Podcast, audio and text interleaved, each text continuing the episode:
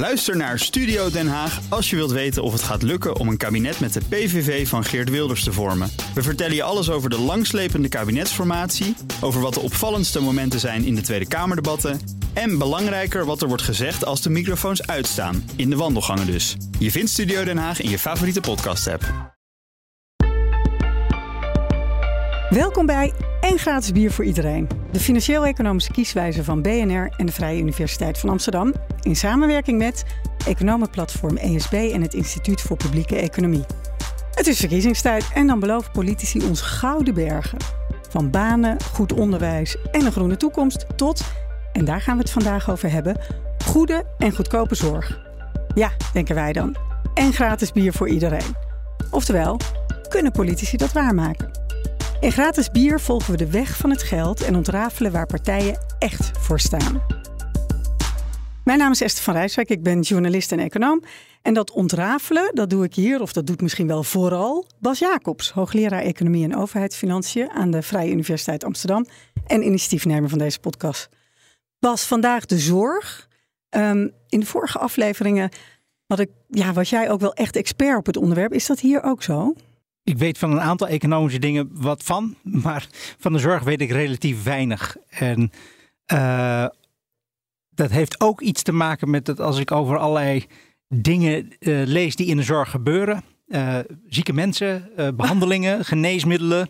Ik, niet uh, da, da, da, ik heb een lichte vorm van hypochondrie en daar kan ik niet zo goed tegen. En, en daar heb ik dus maar andere collega's in de economie voor nodig om dat te duiden. Oké, okay, maar er zitten ook allemaal economische kanten aan waar jij wel verstand van hebt, toch? Want het gaat om de heel financiering, veel geld. Ja. de inkomensafhankelijkheid, dat soort dingen, daar kan ik vast iets over zeggen. En waar ben jij dan benieuwd naar vandaag? De zorg is een onwaarschijnlijk ingewikkeld systeem.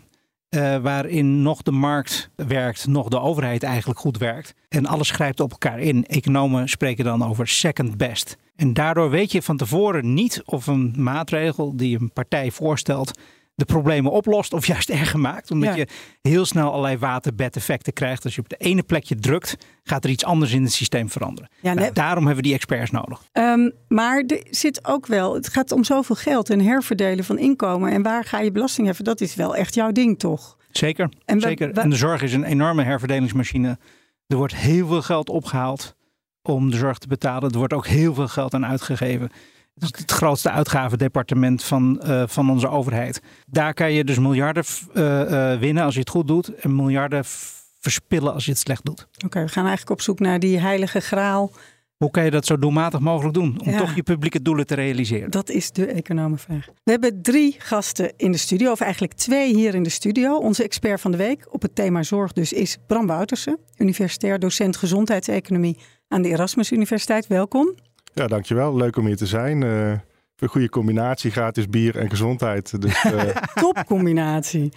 Vanuit de studio in Den Haag, daarom zei ik twee hier, maar er zitten ook een in Den Haag, praten we met Tom van der Lee van nu nog GroenLinks, straks GroenLinks PvdA. Welkom Tom. Of moet ik al zeggen nu GroenLinks PvdA? Ja, ik ben kandidaat. Ik sta gedegen op negen voor uh, beide partijen. Dus ik spreek ook namens beide partijen. Nu ook als financieel woordvoerder. Gedegen op negen. Tot slot hebben we hier Jasper J. van Dijk. En mensen die andere afleveringen hebben geluisterd weten waarom ik die J zo benadruk. Want, Jasper? Ja, uh, bij het Instituut voor Publieke Economie zijn wij met twee Jasper van Dijk. En Jasper J. van Dijk en Jasper H. van Dijk. En dat uh, leidt regelmatig tot verwarring en ook best wel wat hilariteit af en toe. Ja. ja. En Jasper hadden we eerder al hier. En jullie uh, zijn, ja, wisselen elkaar een beetje af. Ja. En jullie komen ons helpen vaak om even neer te zetten van ja, wat is nou hier, waar, waar, hebben we, wat is het thema waar we het vandaag over hebben? En jullie zetten vaak ook even op een rij voor ons wat de partijen daarover zeggen. We beginnen even bij de actualiteit. Bas, wat viel jou op afgelopen week? Nou, ik uh, zat naar uh, op één te kijken met uh, Pieter Omtzigt, die daar een klein beetje gratis zendtijd voor politieke partijen kreeg. Omdat hij zijn hele potentiële Kamerfractie aan het land kwam voorstellen. Dat, en, en hij kondigde daar een inhoudelijk punt af. Namelijk dat hij de migratie wil indammen tot 50.000 mensen netto instroom per jaar. En dat uh, een van de belangrijkste maatregelen die hij daar voor zich zag om, zag om de, de arbeidsmigratie in, in te dammen was de expertregeling af te schaffen. Bij de expertregeling betalen expats over de eerste 30% van hun inkomen geen belasting. En ja, dat weten we uit economisch onderzoek, dat leidt best wel tot, uh, tot wat migratietoename. Uh, maar met het afschaffen van die regeling zal je de migratiestromen echt niet wezenlijk sturen. Dus ik vond dat een tikkeltje naïef. Oké. Okay. Die migratie, daar moeten we het ook nog eens over hebben. Dat staat op het verlanglijstje. Wij, wij, wij hebben een uitzending binnenkort waarin migratie-expert Hein de Haas uh, komt uitleggen hoe die politieke partijen wel of niet succesvol zullen zijn in het, uh, in het realiseren van hun doelen. Maar okay. die expertregeling, Bas, moeten we die wel gewoon afschaffen of moeten we die dus maar houden? Nee, ik vind het een prima plan. Uh, het is vooral een hele hoop doodgewicht. We geven heel veel geld voor een, een doel waarvan het nut ja, dubieus is. Goed, maar vandaag als hoofdonderwerp dus de zorg. En Jasper, jij bent daar even voor ons ingedoken. Gaat even de kaders voor ons schetsen. Want waar hebben we het over? Hoeveel geld gaat er naartoe per persoon van het BBP? Noem eens even. Nou ja, het gaat eigenlijk heel goed met de zorg. Uh, onze levensverwachting is ondertussen ongeveer 82 gemiddeld als je geboren wordt in Nederland. En dat neemt ieder decennium flink toe. Alleen, uh, ja, daar staat ook een prijskaartje tegenover. Uh, op dit moment staat in de miljoenennota dat in 2024 we ongeveer 108 miljard euro gaan uitgeven aan de zorg. Dat is best veel geld. Zoals Bas al zei, dat is eigenlijk de grootste uitgavenpost die we hebben als overheid. En dat komt neer op een dikke 7000 euro per volwassen Nederlander. Ja, dat realiseren mensen zich niet. Dat er jaarlijks, zeg maar, gemiddeld voor hun 7000 euro besteed wordt. Want de meeste mensen, ja, hoe, hoe zien die dat? Hoe kijken die daarnaar? Ja, dat is vaak voor mensen eigenlijk niet zo duidelijk, omdat uh, ja, wat mensen vaak zien is hun zorgpremie. Dat is nu ongeveer 1700 euro per jaar. Uh, en de rest is eigenlijk verborgen. Dat betaal je via je belastingen. Uh, en uh, ja, dat zien mensen niet. En dat staat ook deels door je werkgever betaald. Dus dat staat er niet eens op je loonstrookje. maar als je alles bij elkaar optelt, zit je dus wel op die 7000 euro. En dat neemt wel jaar op jaar toe. En ja, dat kan op een gegeven moment wel gaan knellen. Dus dan moet je keuzes gaan maken. Want iedere euro die je aan zorg uitgeeft, ja, die kun je niet gebruiken voor koopkracht of voor onderwijs of voor defensie. Ja, dus Bas noemt het een beetje ook de heilige graal. We gaan op zoek naar de heilige graal in de zorg om die kosten een beetje te beteugelen. Waarom is dat zo hard nodig? Nou, ik denk dat er twee kanten hieraan zitten. Dus aan de ene kant, het is altijd zonde om geld uit te geven uh, wat niet nodig is. Dus als je geld verspilt in de zorg, dan moet je dat niet doen. Maar ik denk dat ook heel veel geld in de zorg nuttig besteed wordt. Maar dan heb je nog steeds de tweede vraag van ja, hoeveel geld wil je uiteindelijk uitgeven aan zorg? we hebben uh, allemaal steeds meer ouderen in Nederland. En dat, ja, betekent dat we gewoon steeds meer geld eraan kwijt zijn. En de vraag is op een gegeven moment, ja, hoeveel geld wil je dan nog uitgeven aan die zorg? En dat betekent niet dat het allemaal verspild geld is, maar dat er wel op een gegeven moment ten koste gaat van andere uitgaven. Want ik hoor al heel lang dat die de, de groei van die uitgaven, die is gewoon te hoog. Die, dat gaat sneller dan we bij kunnen houden. Nou ja, bij kunnen houden, dat valt ergens ook nog wel mee. Want uh, ja, onze economie groeit ook. En zelfs nog wel iets harder. Dus het aandeel van onze economie dat zorg uitgeven wordt zelfs iets kleiner. Oh, dat daalt. Maar uh, dat, dat is niet een trend hoor. Maar dat, dat, dat, zijn, zie je dat. is niet de raming voor de komende kabinetsperiode. Nee. Daar raamt het CPB dat de zorguitgaven drie keer zo hard groeien uh, als het BBP. Klopt, dus als de economie. Toevallig is dat net in het afgelopen jaar gebeurd. Maar ja. dat vooruitkijkend niet. Maar misschien nog wel een grotere knelling is het aantal mensen dat moet werken in die zorg. Op dit moment uh, zijn er voorspellingen dat in 2040 één op de vier mensen in de zorg moet leveren om de zorg zoals we die nu hebben te blijven uitvoeren. En in 2060 één op de drie mensen. Nou, en dat kan natuurlijk nooit. Nee, nou, nou las ik ergens dat CPB ook zegt van ja, daar gaan we dan ook maar geen rekening mee houden. Want dat is zo onvoorstelbaar. Bram Wouters, herken je dat? Nou, kijk, ik heb zelf ooit bij het CPB die ramingen gemaakt voor de zorguitgaven lange termijn. Kijk, wat die eigenlijk gewoon doen, uh, is de demografie nemen, uh, maal uh, de lonen. en dan krijg je de voorspelling voor de zorguitgaven. Maar we weten dat dat eigenlijk veel te laag is.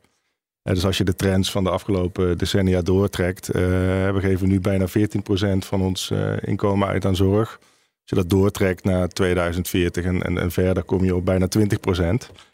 Uh, maar ik snap wel dat CPB daar geen, uh, geen ramingen voor gaat maken die daarop uitkomen. Want dan moet je inderdaad wel echt een uh, heel andere arbeidsmarkt Werken we dus één dag per week voor de zorg? Ja, ja dus ja, precies. Ja. Dat is niet te doen. En dus gaan we hopen met z'n allen dat we ofwel geld gaan besparen of ongelooflijk slimme dingen gaan uitvinden. Is dat een beetje de oplossing? Nou ja, dus dat zal een stukje helpen, maar dat zal nooit genoeg zijn. Dus we moeten ook echt harde keuzes gaan maken. Van ja, wat voor zorg wil je nog wel leveren en welke zorg wil je misschien meer, minder gaan leveren of niet meer gaan leveren? Dat, eh, met alleen maar efficiëntie gaan we het niet redden. Is dit nou iets wat je terugvindt in de verkiezingsprogramma's? Harde keuzes?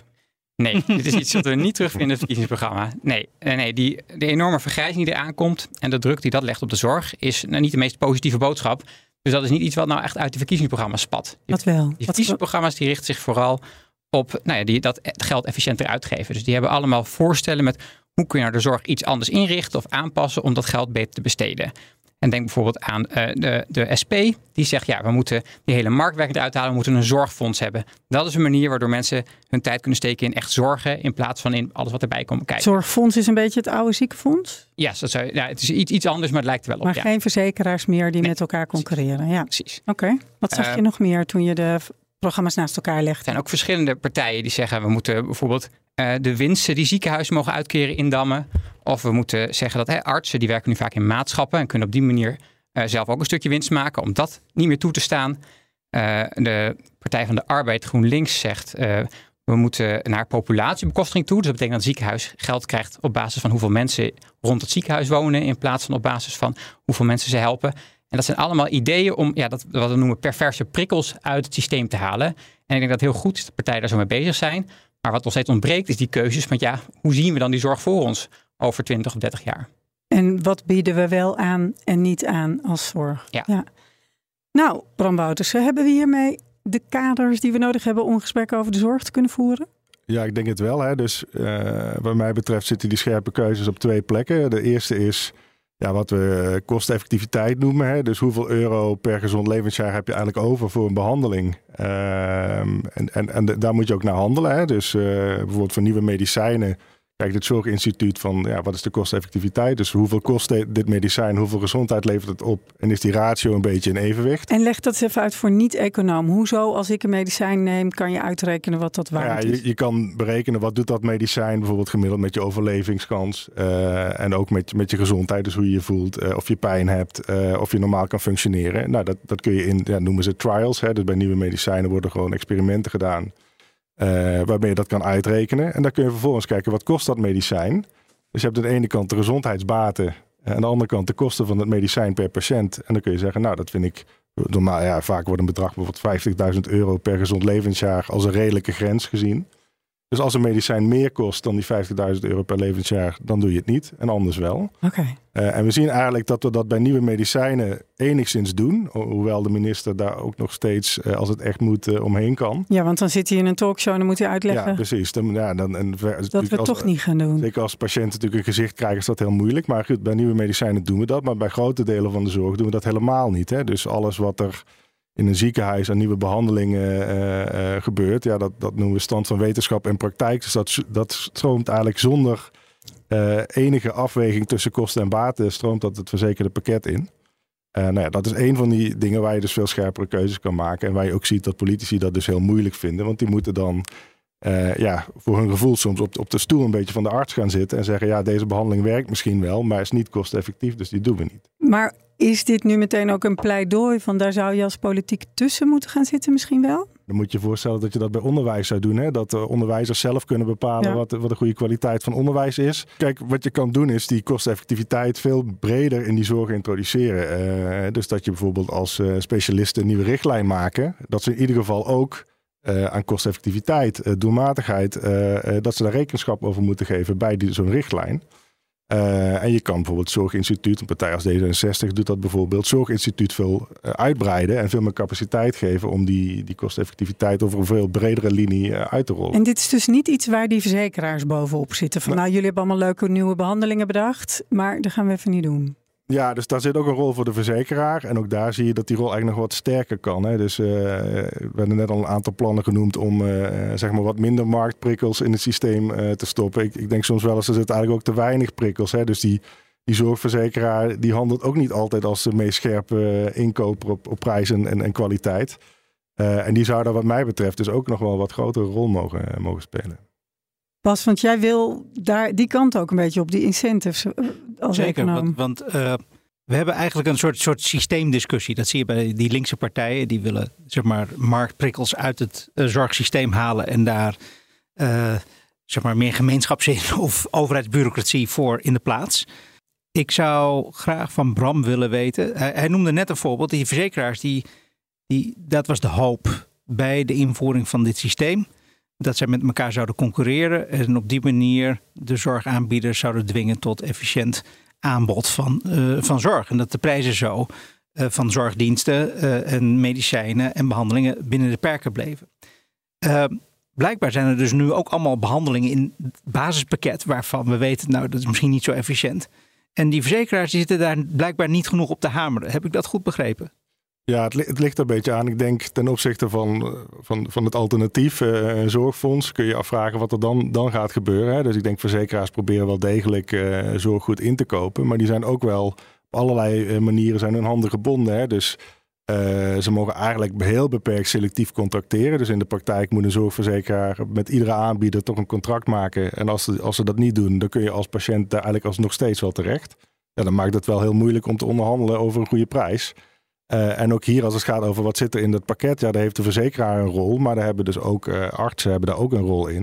En dat is natuurlijk ook heel moeilijk voor een verzekeraar om te zeggen, ja, sorry, dit is een mooie nieuwe behandeling uh, waarvan de artsen zeggen dat dat, dat dat heel belangrijk is om dat te doen. En dan gaat de verzekeraar zeggen, ja, sorry, we gaan het niet vergoeden. Ja, dat, dat is ook een hele moeilijke discussie. Dus ze hebben ook wel, denk ik, weinig instrumenten in handen om dat te doen. Hmm. Maar ja, ik vind dat eigenlijk alle drie, de, we hebben eigenlijk drie zorginkopers in het Nederlandse systeem. Dus uh, de zorgverzekeraars voor de, ja, de ziekenhuiszorg, huisartsen, uh, de gemeente voor ondersteuning voor, voor met name ouderen en dan uh, de zorgkantoren.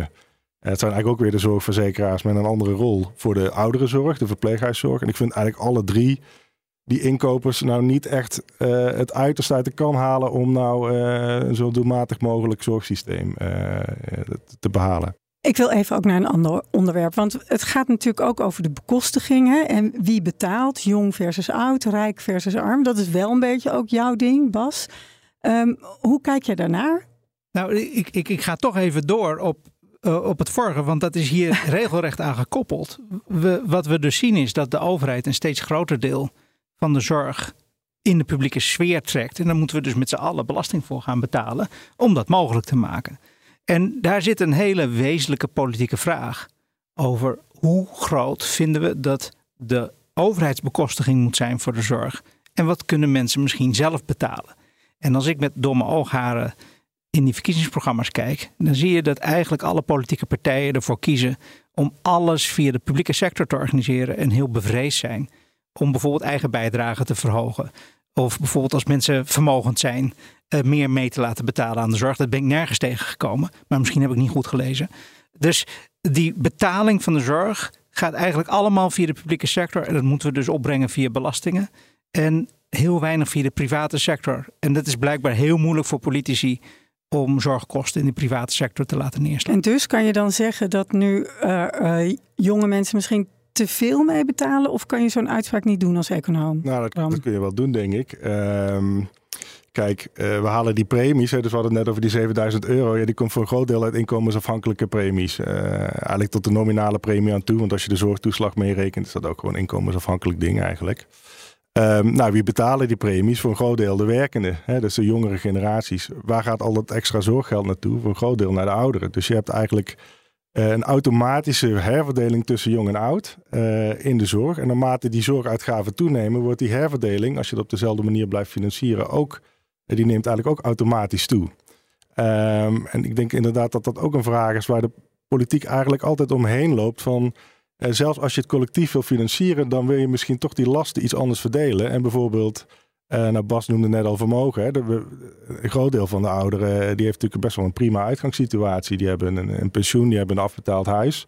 Uh, dus misschien kun je ook wel een deel van die rekening, uh, of je dat nou doet via de belastingen uh, of inderdaad in de vorm van eigen bijdrage, toch meer bij die, die ouderen zelf neerleggen. En dat zie je niet gebeuren in de verkiezingsprogramma's? nee, ja, je ziet eigen risico's, een heel vies woord, eigen woorden eigenlijk. Hè, dus dat is denk ik nou, ik weet het niet helemaal zeker, misschien weet Jasper dat, maar ik denk dat er weinig partijen zijn die voorstellen het eigen risico te verhogen. Nee, ik heb het bij niemand gezien. Nee, ze willen meestal of een bevriezen of verlagen. Ja, en dan moet je dus nagaan, hè, we betalen dus 7000 euro gemiddeld eh, en 385 uh, euro eigen risico. Hè, dus dat gaat over een heel, heel klein deel. En zelfs dat is al super gevoelig. Uh, dus alle, dat alles wat gaat over de gebruiker meer laten betalen, uh, dat ligt heel erg moeilijk. Ja. Wat viel jou nog meer op, Bram, aan de, aan de verkiezingsprogramma's? En dan gaan we zo even aan Tom van der Lee vragen wat zij allemaal van plan zijn. Maar... Nou ja, wat mij wel opvalt is dat inderdaad een aantal partijen toch in stelselwijzigingen oplossingen zien. Hè? Dus uh, dat vind ik toch wel, wel ingewikkeld. Hè? Dus, uh, ja, dat, zorgfonds bijvoorbeeld. Ja, ja, een zorgfonds en ook de, dat is dat bij de SP, PvdA, GroenLinks maakt ook al wat stappen in die richting. Hetzelfde geldt als je kijkt uh, naar de ouderenzorg. Daar hebben we nog niet heel veel over gehad, maar uh, als je naar het verpleeghuis gaat, kom je als ouder in de WLZ. Maar zit je nog thuis, dan zorgt de gemeente voor je. Wat is de WLZ? Uh, wet langdurige zorg. Dus ja, dat betalen we eigenlijk uh, institutionele zorg. Dus mensen die in een instelling zitten, uh, geestelijke gezondheidszorg, maar dus ook ouderenzorg. Nou ja, als je daarin komt, betaalt de WLZ dus. Maar daarnaast zijn er ook heel veel ouderen die thuis wonen. Die krijgen dan van de gemeente ondersteuning en vanuit de zorgverzekeraar bijvoorbeeld wijkverpleging. Nou, dat geeft een beetje perverse prikkels bijvoorbeeld voor gemeenten. Want als ze ervoor zorgen dat iemand naar een verpleeghuis verhuist, dan, zijn, ja, dan hebben zij geen kosten meer. Dus nou, je ziet heel veel partijen willen. Zie je dat gebeuren? Dat gemeenten mensen ja, richting verpleeghuis proberen te duwen om van de kosten af te zijn? ja, we hebben wel wat aanwijzingen dat bijvoorbeeld in gemeenten waar uh, die er financieel minder goed voor staat, dat uh, de aanvragen voor uh, die WLZ-zorg, dus voor verpleeghuiszorg, hoger liggen. Dus en hoe reageren de partijen hierop? Wat zie je terug in de verkiezingsprogramma's? Ja, dus, dus wat je eigenlijk ziet is dat er dan meteen een stelselwijziging wordt gedacht. Dus misschien moeten we die ondersteuning wel naar de WLZ schuiven of misschien juist de WLZ naar de zorgverzekeraar. Uh, terwijl er zijn ook wel wat kleinere oplossingen, wat meer knutselwerk. Uh, om, om toch die prikkels wat, wat beter neer te zetten. Want ik, denk voordat je een stelselwijziging wil doen, ja, als je dat doet, dan ben je zo weer vijf tot tien jaar kwijt met die wijziging. En dan is niemand bezig met goede zorg leveren, dus maar alleen met het stelsel. Pleit voor knutselen ja, ik, of ik, pleisters plakken. Ja, ja dat, uh... ik, ik, denk dat er op zich uh, niet zoveel mis is met, met een beetje knutselen en een beetje slim nadenken hoe je prikkels kan introduceren zonder meteen weer allerlei stelsels overhoop te halen. We gaan naar Den Haag. Tom van Lee, je zit mee te luisteren. Wat gebeurt er bij jou als je dit gesprek zo hoort? Economen over de zorg? Nou ja, dat ik uh, geen zorgeconoom ben en ook geen zorgspecialist, maar uh, wel begrijp dat we collectief uh, met een enorme uitdaging zitten. Uh, ook voor de houdbaarheid van de overheidsfinanciën. Als je kijkt naar de demografische ontwikkeling en daar ook gewoon de, ja, direct aan verbonden uh, de zorgkosten. Die zullen ook de komende jaren blijven stijgen. Wat ik wel belangrijk vind, is dat, uh, dat was ook een heel goed advies van de Raad van State bij de miljoenennota, dat er ook nog een andere ontwikkeling is die de houdbaarheid uh, van de overheidsfinanciën structureel bedreigt de komende jaren. En dat is de opwarming, de klimaatverandering ik snap dat mensen veel verwachten van partijprogramma's. Maar partijprogramma's die in een paar weken tijd zijn geschreven na de plotselinge val van het kabinet, daar kun je niet uh, zeg maar van verwachten dat die uh, voor al die structurele lange termijn problemen alle oplossingen in huis heeft. We hebben ons ook moeten concentreren op wat kun je nog in deze komende periode. Wij willen een grote stelselherziening, niet in de zorg, maar breder. Als het gaat om uh, uh, de belasting, de premies, het uh, ja, toch afkomen van het hele toeslagenstelsel. En dat op een manier dat houdbaar is voor de lange termijn. Dus rekening houdt met zowel de demografische ontwikkeling en de zorgkosten, als mm -hmm. de opwarming van de aarde. En dat is een, echt een heel ingewikkeld traject. We waren zelf ook al bezig om een aantal dingen uit te zoeken. Maar we kunnen ook nog niet alle gevolgen overzien. En bovendien geeft de Belastingdienst aan, ja, pas 26. 2027 zijn we in staat tot wat ingrijpende veranderingen. Dus dat maar, de politiek nu kiest voor tijdelijke pleisters, uh, of in ieder geval stappen, uh, is een hele logische. Oké, okay, want dat was inderdaad mijn vraag. Hoor ik je nu zeggen, we hadden niet zoveel tijd om het even goed door te denken? Uh, nou, ik zeg, uh, we hebben niet uh, voldoende tijd gehad om de lange termijn structurele problemen allemaal op te kunnen lossen in eenvoudig uitlegbare oplossingen. Ja, dat is okay. gewoon een eerlijk antwoord. Wat wel? Wat en wij, wat wij wel doen, wat ja. wij wel doen als het gaat ook om de hele financierbaarheid van de zorg, is dat wij vermogens in Nederland zwaarder gaan belasten. En vermogens zijn geconcentreerd bij ouderen.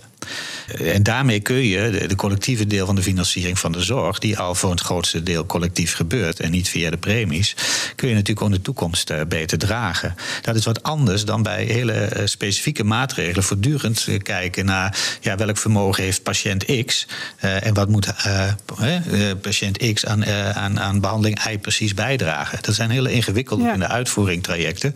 Maar in algemene zin, als er gezegd wordt, je moet ook kijken naar financierbaarheid en daarmee een rol in laten spelen. Dat is een lijn die we zeker doortrekken. Uh, verder dat... willen we ook af van de, toes, van, van, uh, de zorgtoeslag. Pakken we die zo. We gaan zo even naar de zorgtoeslag. Maar even Bram uh, Tom zegt ja, we gaan wel degelijk vermogende zwaarder belasten. Dat hoeft niet specifiek zorggerelateerd. Nou, ik denk dat daar op zich natuurlijk wel, wel iets in zit. Hè, tegelijkertijd, omdat die premies, hè, dus uh, dan gaat het niet alleen over de nominale premie, maar je hebt dus ook de, de premie voor de WLZ, die inkomensafhankelijk is. Je hebt het inkomensafhankelijke deel van de ZVW. Ja, die, die, dat zijn een soort automatische herverdelers. Dus je moet er wel over nadenken. Ook, deze econoom is nu even het spoorbijster. Uh, premie WLZ, premie wat? Leg even uit. Ja, nee, dus je hebt dus, dus uh, als je kijkt naar de zorg, dan financieren we dus een deel via de nominale premie. Dat is wat je uh, iedere maand aan je zorgverzekeraar mm -hmm. betaalt. Maar dat is eigenlijk maar de, bijvoorbeeld de helft van die, wat je aan zorgverzekering betaalt. De andere helft gaat via de werkgever. Dat is een inkomensafhankelijke premie. Als je kijkt naar de premies voor bijvoorbeeld de verpleeghuiszorg, ja, dat is een uh, sociale verzekering. Uh, en die betaal je ook vanaf je loonstrookje. Uh, is een inkomensafhankelijke premie. Dus Met een max inkomen ja, wel, dus die, toch? Is, die is gemaximeerd. Hè? Dus, maar dat betekent ja, dat met name middeninkomens daarvoor betalen. En ook als die zorguitgaven stijgen, dat je eigenlijk automatisch die groepen meer gaat belasten. Uh, dus ik snap dat je dat natuurlijk in de, in de dagelijkse inkomenspolitiek uh, ook op andere manieren weer recht kan trekken en vermogens kan belasten. Maar jij zegt daar ligt nog wel veel ruimte om wat te doen. Ja, ik, ik zou dat mooier vinden als politiek dat wat meer uit elkaar zou, zou trekken. En ook uh, ja, dat herverdelingsaspect van de zorg zelf direct adresseren. Maar wat heel concreet dus zeg je dan, ga, hier, ga die premie gewoon via die inkomsten verhogen? Nou, je zou dat, dus je kan natuurlijk ook meer vermogensafhankelijkheid in doen. Hè, maar ook bijvoorbeeld als je kijkt naar de eigen bijdrage voor een verpleeghuiszorg. Dan wordt ja, bijvoorbeeld het eigen huis van mensen nu nog niet uh, belast. Of pas heel laat. Uh, en dat zou je eigenlijk wel kunnen doen. Dus er is nog best veel vermogen, ook van gebruikers zelf, dat je vrij makkelijk kan aanspreken. Oké, okay, Tom van Lee, jullie laten van alles liggen. Nou, ik weet niet of dat klopt. Wij, wij, wij gaan zeker wat veranderen aan de zorgpremie. Uh, en, maar wij doen dat in een wat integralere aanpak van het stelsel. Waarbij waar je nu ziet dat herverdeling vooral via toeslagen en collectieve uitplaats, uh, sorry, collectieve voorzieningen plaatsvindt. Uh, ja, dat je ook zorgt dat de belastingheffing aan zich gewoon progressiever wordt. Want je ziet dit probleem niet exclusief in de zorg. We zien op meer terreinen ja, dat we de, de herverdeling op ingewikkelde manieren hebben vormgegeven die lang niet altijd even transparant zijn en navolgbaar. En nog weer het probleem hebben dat we een deel van de mensen die we willen bereiken, niet bereiken. Okay. Door de systematieken die we hebben gecreëerd. Ja, we gaan zo meteen naar de breedte van jullie programma kijken. Toch even nog kans om één ding uit te pikken als je dat wil. Heel specifiek over zorg. Wat staat er wel bij jullie in het programma waar we hier nog even met de economen oog naar kunnen kijken? Nou ja, ik, ik, ik, ik ben altijd ontvankelijk voor uh, goede checks en balances en bepaalde prikkels. Tegelijkertijd is Nederland wereldberoemd als land als het gaat om kostenefficiëntie. Uh, het is een hele grote studie van door Harvard gedaan. Ik bedoel, daar excelleren Nederlanders in. Dus ik vind dat we heel vaak alleen. Ja, ja, specifiek, nee, maar heel breed eigenlijk in de samenleving. Uh, dus uh, daar valt bij mij altijd over te praten. Maar ik denk niet dat daar in essentie altijd de oplossing zit. Het heeft namelijk ook te maken met veel meer een politieke en ethische discussie over. ja. Uh, hoeveel heb je ervoor over om uh, zo lang mogelijk uh, te leven? En durf je het aan, dat heeft mijn collega Corinne Ellemeet ook een keer gedaan, geriaters in te schakelen om met ouderen te praten. Is die behandeling uh, ja, ga je daar nou echt op vooruit? Of neem je een risico waardoor je levenskwaliteit in de laatste fase eigenlijk alleen maar verslechtert? Bram? En daar zijn we heel hard voor aangevallen. Maar dat zijn ook discussies die je moet voeren. En niet vanuit het oogpunt van kosteneffectiviteit, maar ook van kwaliteit van leven in de laatste levensfase. En dat is de fase waarin ja, de, het grootste deel van de zorgkosten nou eenmaal uh, zich concentreert. Maar ja, dat, dat, dat, dat moet je niet vanuit een puur economisch motief uh, gaan en voeren. En toch durft Bram Wouters er iets over te zeggen. Nou ja, ik, ik ik bedoel, dat klopt natuurlijk. Uh, maar uh, die scherpe politieke keuzes, die ethische keuzes, die vergen natuurlijk ook een kosten-baten-afweging. Dat is wel onderdeel van die keuze. Uh, ja, en kijk, de laatste levensjaren, dat is een voorbeeld. Waar, waar kwaliteit en, en, en, kosten misschien hand in hand gaan, maar dat geldt niet overal. Dus je, je verwacht toch eigenlijk een iets bredere inzet om toch kosteneffectiviteit meer in de zorg te krijgen. Want dat is volgens mij de meest ethische manier om die zorguitgaven te beperken. Bram, ik wil jou even het laatste woord geven hierover. we hebben de politieke partijen, we hebben de programma's gezien. Wat wil jij nog kwijt? Of heb je ergens lef gezien? Dat je zegt, daar, daar zie ik iets nieuws. Of daar zie ik wel die visie op het totale systeem en op die politieke keuzes. Ik snap ook wel dat politieke partijen inderdaad die moeilijke keuze proberen uit de weg te gaan. Je ziet wel grote verschillen. Hè? Dus je ziet uh, aan de linkerkant van het politieke spectrum toch dat, dat alles wordt gezorgd in minder marktwerking. Uh, wat ik wel interessant vind, is dat aan de rechterkant, dus als je bij bijvoorbeeld de VVD of D66 kijkt, dat er ook wel wordt gekeken van hoe kunnen we die marktwerking nou juist beter laten werken. Uh, is dus, dat dat knutselen van jou? Nou, dat is niet per se knutselen, maar ik, ik, noemde net al, hoe kun je er nou voor zorgen dat een verzekeraar misschien wat selectiever kan contracteren? Hoe kun je nou, ik noemde al die, die richtlijnen, hoe kun je nou in richtlijnen kosteffectiviteit een rol laten spelen? Uh, hoe kun je nou die zorgkantoren die de verpleeghuiszorg inkopen, misschien toch meer prikkelen om, om dat wat effectiever te doen? Dus ik vind het wel interessant dat er ook in, ja, de marktwerking in de zorg wordt een beetje vies woord ook, maar dat er toch nog wel partijen zijn die daarop durven in te zetten. En zijn dat dan vragen waarop ze bij jou een antwoord kunnen krijgen bij zorgeconomen? Uh, nou ja, ik, ik, het is al het begin al genoemd. Het, is een heel ingewikkeld uh, iets. En je zit altijd in second best oplossingen. Uh, en we hebben een heel ingewikkeld systeem opgetuigd met z'n allen. Wat altijd betekent dat als je ergens aan draait. je optimale oplossing uit het theorieboekje niet zal werken. Maar we hebben, ja, ik denk dat er wel een aantal ideeën zijn. Bijvoorbeeld, hoe kun je het eigen risico slimmer inrichten? Hoe kun je inderdaad bijvoorbeeld met populatiebekostiging aanbieders prikkelen om toch Okay. Uh, ja, wat, wat minder op Als je in de details duikt, dan is er wat te halen, zeg je. Maar die, die grote vraag, we zien het gewoon op ons afkomen. Eén op de vier mensen moet misschien wel in de zorg gaan werken.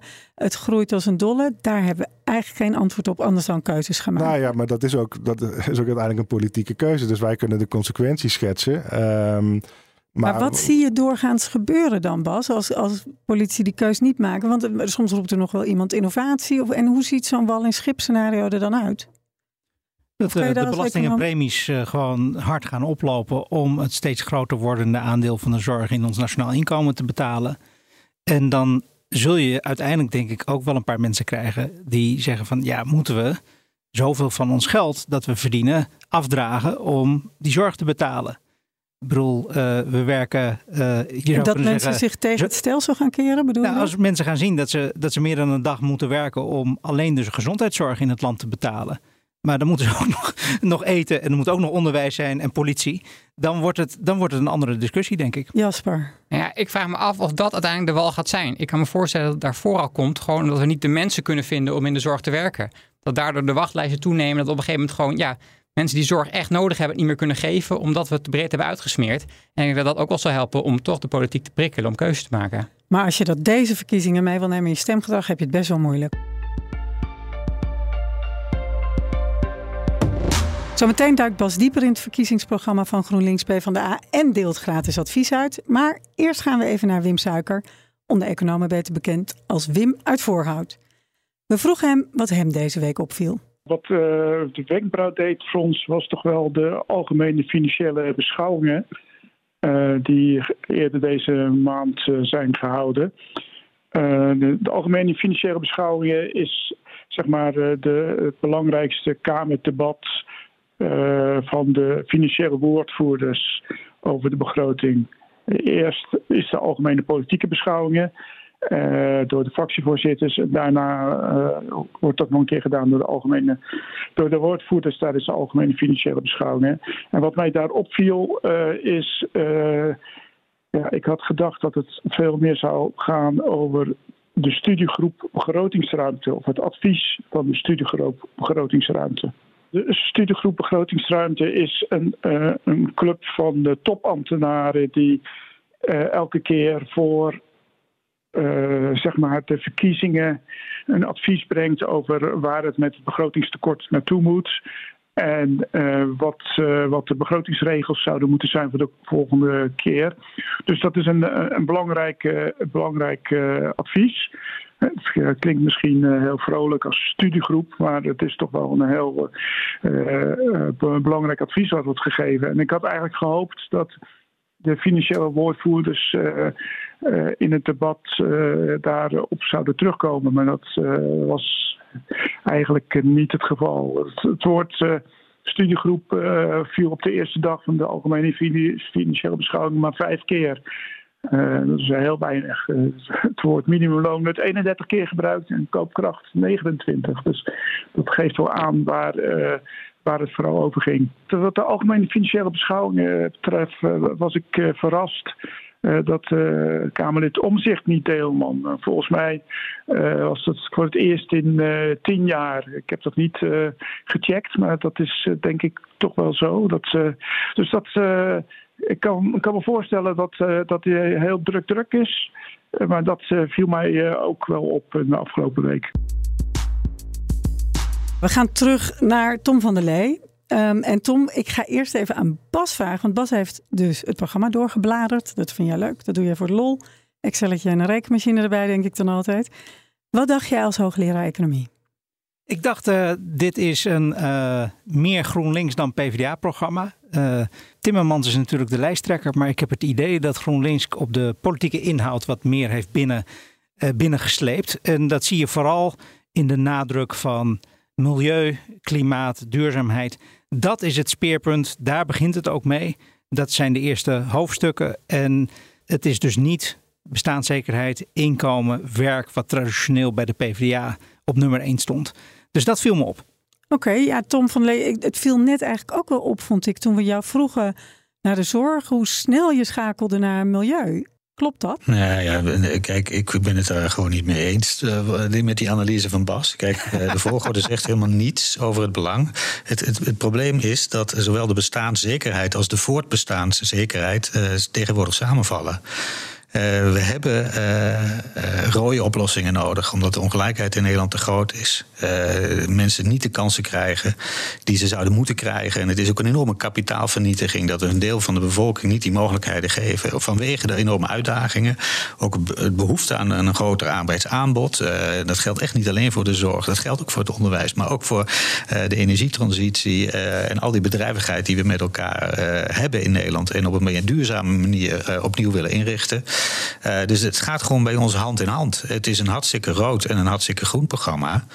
Uh, en dat is het ook mooie uh, ervan. Uh, programmatisch zijn deze partijen de afgelopen jaren bijna versmolten en naar elkaar toegegroeid. en is ja, bij beide het inzicht gegroeid dat wil je mensen een complexe transitie laten doormaken, dan zul je ze daarin moeten ja, helpen. En, en, en, en, dus ook op een rechtvaardige manier dit voor mensen mo mogelijk moeten maken. En tegelijkertijd wil je die bestaanszekerheid en die zorg op termijn ook goed financieren moet ook zorgen dat, uh, dat onze economie niet nodeloos uh, enorme schade gaat oplopen. Omdat we te laat zijn met het ingrijpen als het gaat om de klimaatverandering.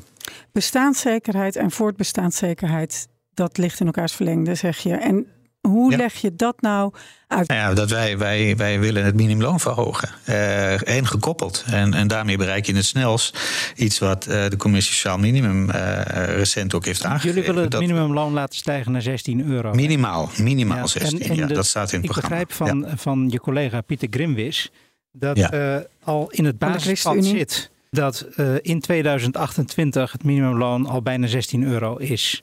Basispad betekent, daar komen we van de doorrekening van het Centraal ja. Planbureau. Nou, het uh, komt er in de buurt. Dat jullie niks ja. extra's doen? Of dat jullie uh, ten opzichte van een ander punt naar 16 euro gaan? Kun, kun je dat proberen uit te leggen? Gaan jullie er iets bovenop doen wat er al van plan ja. was? Ja, wij gaan uh, ten opzichte van het basispad echt wel een aantal dingen anders doen. Uh, en ook op dit terrein zal. Uh, dus het wordt meer dan 16 euro? Ja, daarom zei ik ook minimaal 16. Dat staat in het programma. Kijk, jij weet als geen ander dat een doorrekening een complexe operatie is. En je heel veel knoppen hebt waar je aan draait. maar ik denk dat we wat hoger uitkomen. Ja. Oké. Okay. Ik ga nog geen getallen noemen, want die zijn nog in beweging. En begin november komt de doorrekening naar buiten. Bas, we hadden het net al over, of Tom van Lee legde zelf op tafel. Hè. We gaan in de brede ook aan de vermogenskant uh, zwaarder heffen. Nou, is ook jouw, uh, jou, jouw pakje aan, hè? De, de, in, de belastingheffing. Wat, wat viel je daarop? Nou, het is bij de belastingen en bij milieu uh, mijn zorg dat GroenLinks PvdA aan alle knoppen tegelijk draait en dat ze daardoor de boel te ver doordraait. Ik geef een voorbeeld. bij, de, bij de vermogens wil uh, GroenLinks PvdA de vennootschapsbelasting, als ik het goed heb begrepen, verhogen. Ik kan me zomaar voorstellen dat het naar, van 25 naar 35 procent gaat. Mm -hmm. uh, ze wil ook de belastingtarieven in box 2 en box 3 verhogen. En dat kan ook zomaar naar de 35 procent. En daarbovenop willen ze waarschijnlijk ook nog een, daar had Tom van der Lee het net over, een vermogensbelasting. Nou, als ik dan ga rekenen, stel nu dat je 35 procent vennootschapsbelasting, winstbelasting hebt. 35% belasting in box 2 en box 3. En dan ook nog eens een keer 1% vermogensbelasting boven zeg een miljoen of zo. Even Nou, box 2 en box 3. Box 2 is wat er naar de directeur groot aandeelhouder. Precies, dat zijn aandeelhouders van, van, van, van, van BV's. Ja. En in box 3 hebben mensen hun spaargeld, hun Ja. beleggingen, eh, hun tweede huis, dat soort zaken. En als je dan uitrekent wat dan het effectieve tarief wordt van 35% VPB, 35% box 2, box 3 en een 1% vermogensbelasting daarbovenop voor iemand die een 8% rendement haalt, dat is best hoog, dan heb je al een 71% effectief belastingtarief.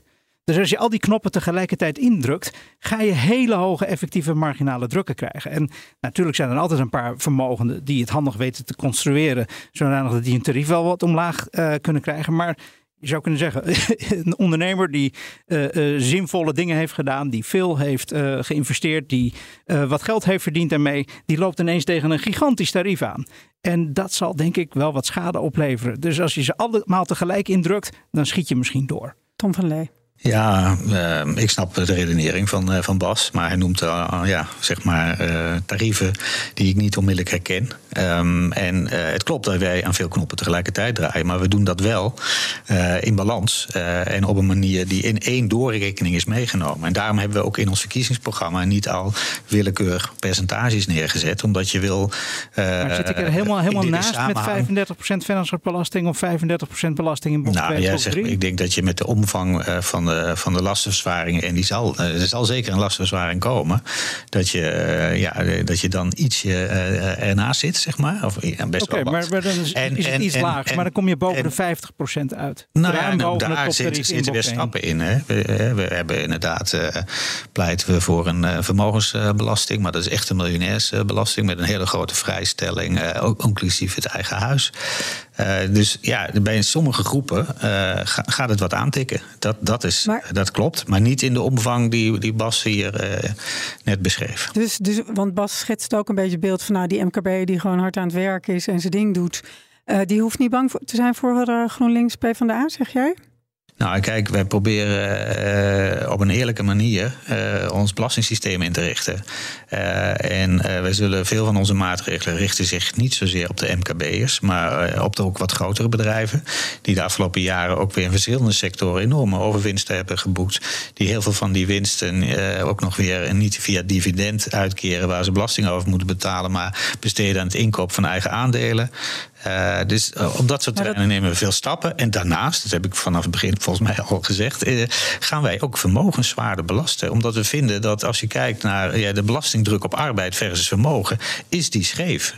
En dat moet anders. En daar is En, en, Bas en het daar, volgens mij dat is, dat is ons doel. maar Dat is ons doel. Dat, dat, het, dat het belasting op belasting op belasting wordt. En dat het daardoor uiteindelijk toch heel veel economische schade gaat aanrichten. Oké, Bas, jij zei ook bij milieubeleid Ja, worden en- er te veel knoppen is- tegelijk ingeduwd? Het is, het is net alsof ze een orgel hebben en alle, alle toetsen tegelijk indrukken. Want ze willen terecht fossiele subsidies afschaffen door CO2 te beprijzen. Daar ben ik en vrijwel alle economen het hardgrondig mee eens. Maar daarnaast ook heel erg normeren. En daarnaast ook nog dingen, eh, groen gedrag subsidiëren. En dan ook nog eens een keer in, eh, de, in het financieel stelsel. Eh, er moet groen gebankeerd worden. De ECB moet groene financiering mogelijk maken. Pensioenfondsen moeten groen gaan beleggen. Dus je bent ook hier weer, eh, ja. denk ik, aan het doorschieten. Als je alle milieuschade hebt beprijsd, correct hebt beprijsd met CO2-beprijzing, heb je niet al die andere maatregelen, al die regels, al die sturing nog nodig. Want dan ben je eigenlijk milieuvriendelijk gedrag aan het te veel aan het stimuleren in plaats van wat nu, nu het geval is dat vervuilend gedrag te veel wordt gestimuleerd, dan schiet je door naar de andere kant. En daar ben ik ook een beetje bevreesd voor als ik al die maatregelen bij elkaar op zou tellen. Tom, Ja, goed, kijk, eh, de voorbeelden die Bas noemt, dat is voor een belangrijk deel ook al staand beleid. Wat wij doen is in de maatvoering eh, daar nog wat eh, hier en daar oplussen. Eh, dit is nou eenmaal onderdeel van een hele brede transitie. Maar en willen ik ben jullie het met je eens, als we een perfect CO2-prijs systeem... gaan, Ja, maar als we een perfect eerst systeem... Tom van der Lee, maak hem even af. Sorry. Als we een perfect systeem hebben van CO2-beprijzing en dan veel verder dan nu het huidige ETS, dan zou ik daar onmiddellijk voor tekenen. Maar dat is super complex. En dat is er in een aantal jaren, en zeker binnen Europa, eh, niet geregeld. Dus je zult uh, ook additioneel beleid moeten voeren. En de voorbeelden doen nu ook vergroening van de financiële sector. Daar, hebben ze zelf ook al voor getekend. Ze leveren er niet altijd op. Maar dit zijn, dit zijn transities die we met elkaar doorgaan. En wij kijken ook natuurlijk breder naar wat doen onze buurlanden, wat doet er in de Europese Unie. Maar wij hebben een ambitie om uh, in 2030 uh, 65% CO2 te hebben gereduceerd. En wij doen ook een doorrekening bij het Planbureau voor de Leefomgeving, uh, die ook weer samenwerkt met het, het Centraal Planbureau. Dus je zult er inzicht krijgen in de effecten van wat wij doen door aan, aan, aan die knoppen te draaien. Okay. Maar het omgekeerde is ook waar. Als wij niet aan die knoppen draaien, gaan we die doelen niet niks. halen. Nee. Ja. Bas, als je dit nou samenvat, wat is jouw gratis advies voor PvdA GroenLinks? Uh, mijn gratis advies is dat als je in de sfeer van vermogensinkomsten, dus dat is uh, inkomen uit beleggen en sparen, huizen, uh, BV's, daar moet je één regime invoeren met één tarief, waardoor je één keer belasting betaalt, niet belasting over belasting over belasting, van een procentje of 30, 35. Dat zou advies 1 zijn. En wat betekent dat concreet? En een nieuwe box, waar heb je het over? Alles in één box? Eén vermogensbox, waarin sparen, beleggen, ondernemer, tweede huizen. Uh, en één tarief. Al, okay. En één tarief. En dat je voorkomt dat het allemaal optelt tot, uh, uh, tot, uh, tot misschien wel 50, 60, 70 procent of nog meer. Dat was advies 1. Advies 2 is probeer toch te streven naar zoveel mogelijk uniforme beprijzing van CO2-schade. Want daarmee kan je heel veel flankerend beleid dat je nu neemt, omdat het onvoldoende gebeurt, voorkomen. En dan krijg je een veel efficiëntere realisatie van je milieudoelstelling. Laatste woord aan Tom van der Lee. Ja, ik vind dit allebei waardevolle adviezen en ik ben het er ook mee eens. Mijn stelling is alleen dat je daarvoor een hele brede stelselherziening nodig hebt. Uh, en zolang die er nog niet is en de Belastingdienst die ook niet kan leveren, uh, ook vanuit ICT en allerlei andere uitvoeringsregelen, ah, moeten wij binnen knoppen. het bestaande beleid aan knoppen draaien ja. om, om doelen te bereiken. Uh, en ik hoop inderdaad dat we toe kunnen werken in een volgende regeerperiode aan een plan. En hoe gaan we nou ons stelsel zo inrichten dat je inderdaad een, een vrij simpele heffing hebt op vermogen in plaats van allerlei verschillende ja, vormen om vermogen te belasten maar ook een stelsel dat houdbaarheid van de overheidsfinanciën, zowel van het oogpunt van vergrijzing als de opwarming, een goede plek geeft. En ondertussen we wel op een eerlijke manier herverdelen. Uh, en okay. ja, dat zijn heel veel wensen voor, voor een nieuw stelsel dat groot, meeslepend en complex zal zijn. En dat gaat niet gerealiseerd worden in de komende regeerperiode, omdat het uitvoeringstechnisch alleen uh, al niet kan lukken. Okay. Maar het ook nog eerst nodig is om met een nieuwe coalitie uh, hier afspraken over te maken in een volgend regeerakkoord. En dat wordt nog een heel pittige onderhandeling. Dat kan ik me zomaar voorstellen. Mag ik je heel hartelijk bedanken vanuit Den Haag, Tom van der Lee. En ik dank ook iedereen hier aanwezig, Jasper J. van Dijk. Dankjewel. En Bram Woutersen, dankjewel. Gratis bier, dat zou dus zorgtechnisch heel onhandig zijn, geloof ik, hè? Nou, gaan maar, we toch maar ik denk doen. toch dat heel veel mensen denken dat er gratis bier in de zorg is, maar het bestaat niet. Maar wij gaan een gratis biertje drinken, toch? Nu? Lijkt, lijkt me wel. Alleen, moeten, wie gaat het betalen? Misschien wil Tom wel betalen. Uh, voor jullie belasting, wel hoor. Belasting op vermogen. Oké, okay. tot de volgende keer jongens.